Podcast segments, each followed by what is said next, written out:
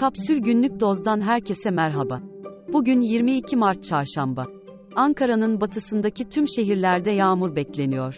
Deprem bölgesinde hava sıcaklıkları çift hanelere çıkacak. Şimdi haberler.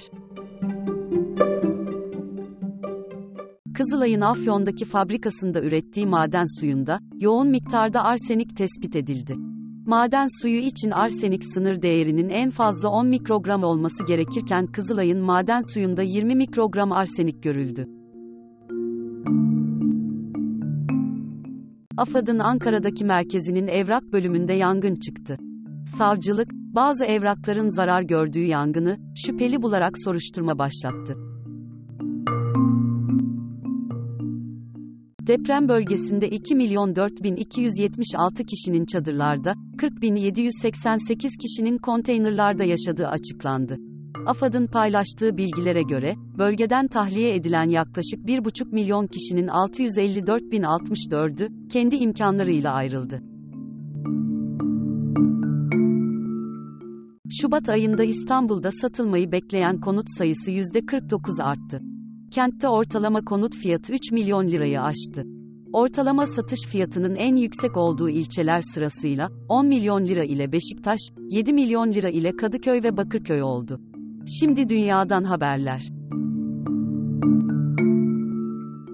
İngiltere'de, bir yılda hazırlanan 363 sayfalık raporda, Londra Emniyet Müdürlüğü'nün kurumsal olarak ırkçı, kadın düşmanı ve homofobik olduğu kaydedildi. Polislerin tamamında derin bir eşcinsel fobisi olduğu belirtilen raporda, Londra Emniyet Müdürlüğü, kadınları ve çocukları koruyamayan bir erkekler kulübü olarak tanımlandı.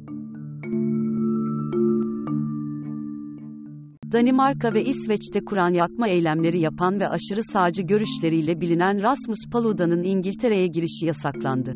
Benzer bir eylemi İngiltere'de gerçekleştirmek isteyen Paludan, Ramazan ayının başlaması ile aynı gün Kur'an yakma eylemi yapmak istiyordu. Almanya'da düzenlenen bir ankete göre, Almanya vatandaşlarının %8'i Cumhurbaşkanı yerine kral ya da kraliçenin devleti yönetmesini istiyor. Bu talebi dile getirenlerin büyük çoğunluğu ise sağ popülist görüşlü. Katılımcıların %89'u ise parlamenter monarşiye karşı çıkıyor. Günün sözü, TBMM Deprem Araştırma Komisyonu'nda, CHP'li vekil Mürsel Alban'ın istifa talebine yanıt veren, AFAD Başkanı Yunus Sezer'den. Kendi adımıza aldığımız çok büyük dersler var, yeni bir anlayış gerekiyor.